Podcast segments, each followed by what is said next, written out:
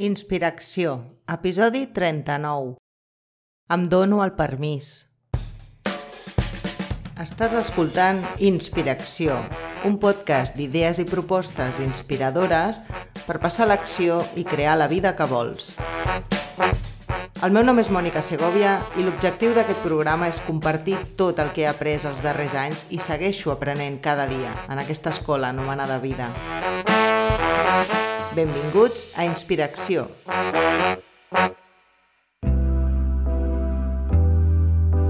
Em dono el permís per sentir el dolor. Em dono el permís per sentir la incomoditat que em crema per dins. Em dono el permís per estar malament i no córrer a anestesiar-me per no sentir. Em dono el permís per plorar sense tenir un motiu que li agradi al meu ego i que ho justifiqui. Em dono el permís per estar on estic ara mateix i sentir que és perfecte.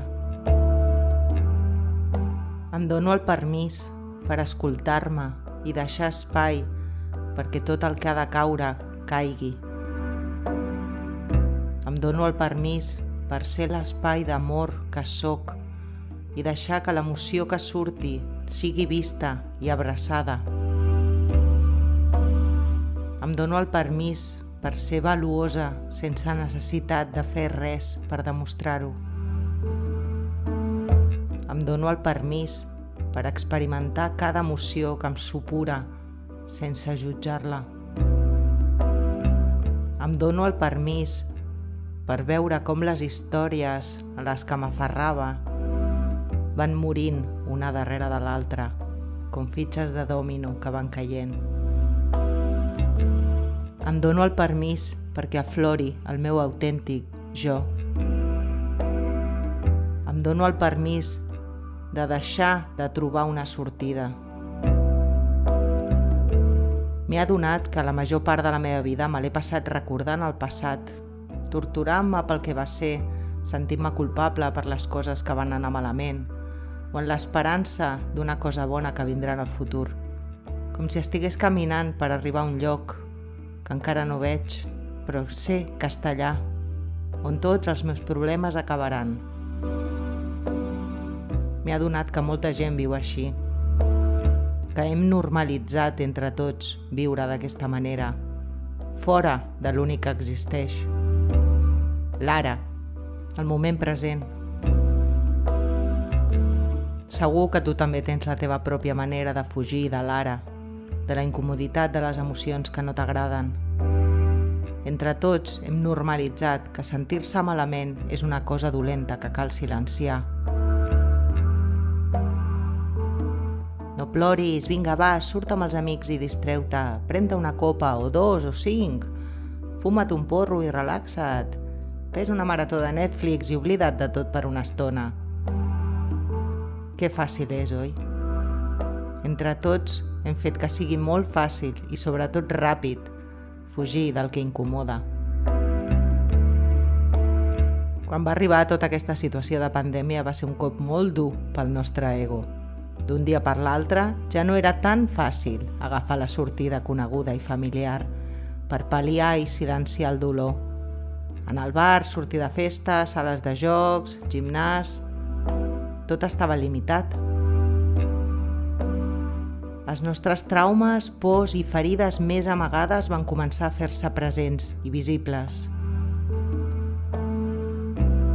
Avui, encara que amb restriccions, tornen a estar disponibles moltes de les escapatòries ràpides que van fer sentir-nos bé, però cada cop dura menys aquesta falsa sensació de benestar. És palpable. Cada cop és més curta aquesta felicitat momentània.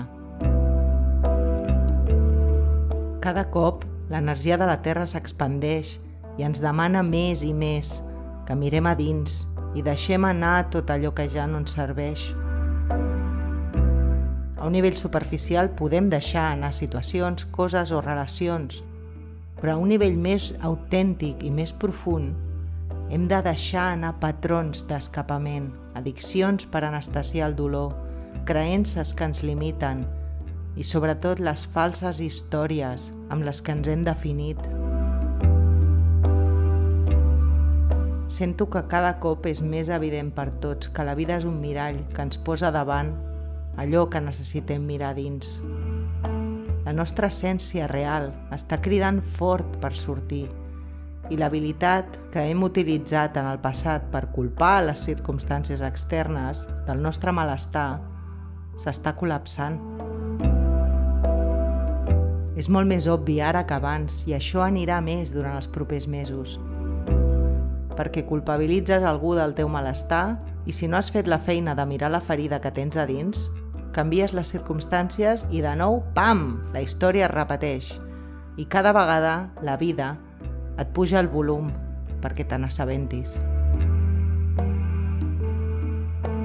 Tens una por inconscient a la soledat o a l'abandonament i la vida et posa relacions que no funcionen, t'enganyen o et deixen perquè vegis que tu ets molt més que aquesta por, perquè siguis l'espai, perquè l'emoció de soledat o abandonament surti i sigui vista, plorada i purgada,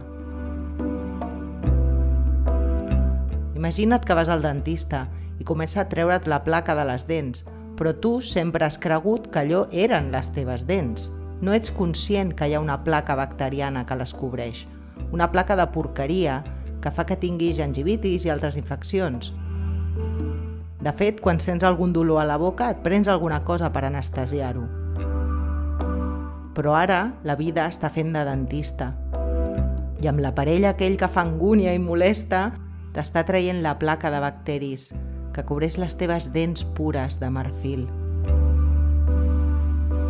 Si a més a més fa anys que no vas al dentista, hi ha una placa molt gruixuda i enganxada i cal passar diverses vegades la maquineta perquè es desincrusti.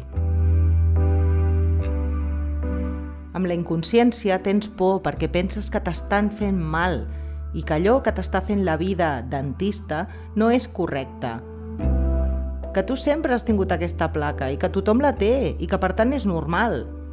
I com que fa tant de temps que la tens ja li has agafat carinyo.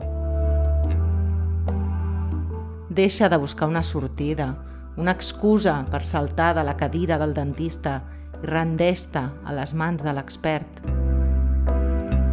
Rendeix-te des de l'entrega total, no des de la resignació, sinó des de la confiança que passi el que passi, tot és pel teu major bé. Quan entra la llum per il·luminar una habitació fosca, pots tancar els ulls i fer veure que encara estàs a la foscor, perquè és un lloc familiar i conegut, però no pots estar així molt de temps. Inevitablement arriba un moment en què has de mirar tot allò que no t'agrada. Un lloc familiar i conegut no vol dir que sigui casa, Simplement és un lloc familiar i conegut, perquè tota la vida has funcionat així. Tots hem fet el millor que hem sabut o hem pogut amb les eines que teníem, des de que tenim memòria. Ara és hora de deixar morir aquests patrons perquè surti el teu jo real. El dolor passa perquè aquests patrons de pensament i comportament han de morir Durant les últimes setmanes he experimentat que si estic amb el dolor, si no defujo, no m'escapo, estic present, el meu ego comença a cridar i a donar-me mil idees sobre el que podria fer per sentir-me bé. L'escolto i el miro, com si fos el copilot assegut al seient del costat. Jo condueixo. Li agraeixo la informació i torno al present el meu cos, a sentir el que senti sense necessitat de posar-li una etiqueta amb un nom que li agradi al meu ego, ni a buscar una raó lògica i racional que expliqui per què em sento com em sento. Deixo passar el temps i segueixo present. Ploro, ploro, ploro. I sento que la placa incrustada es va desenganxant i va sortint les falses històries van morint i jo segueixo aquí, viva.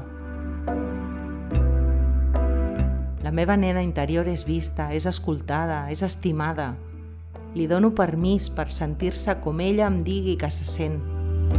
No la jutjo ni la critico ni intento que se senti millor.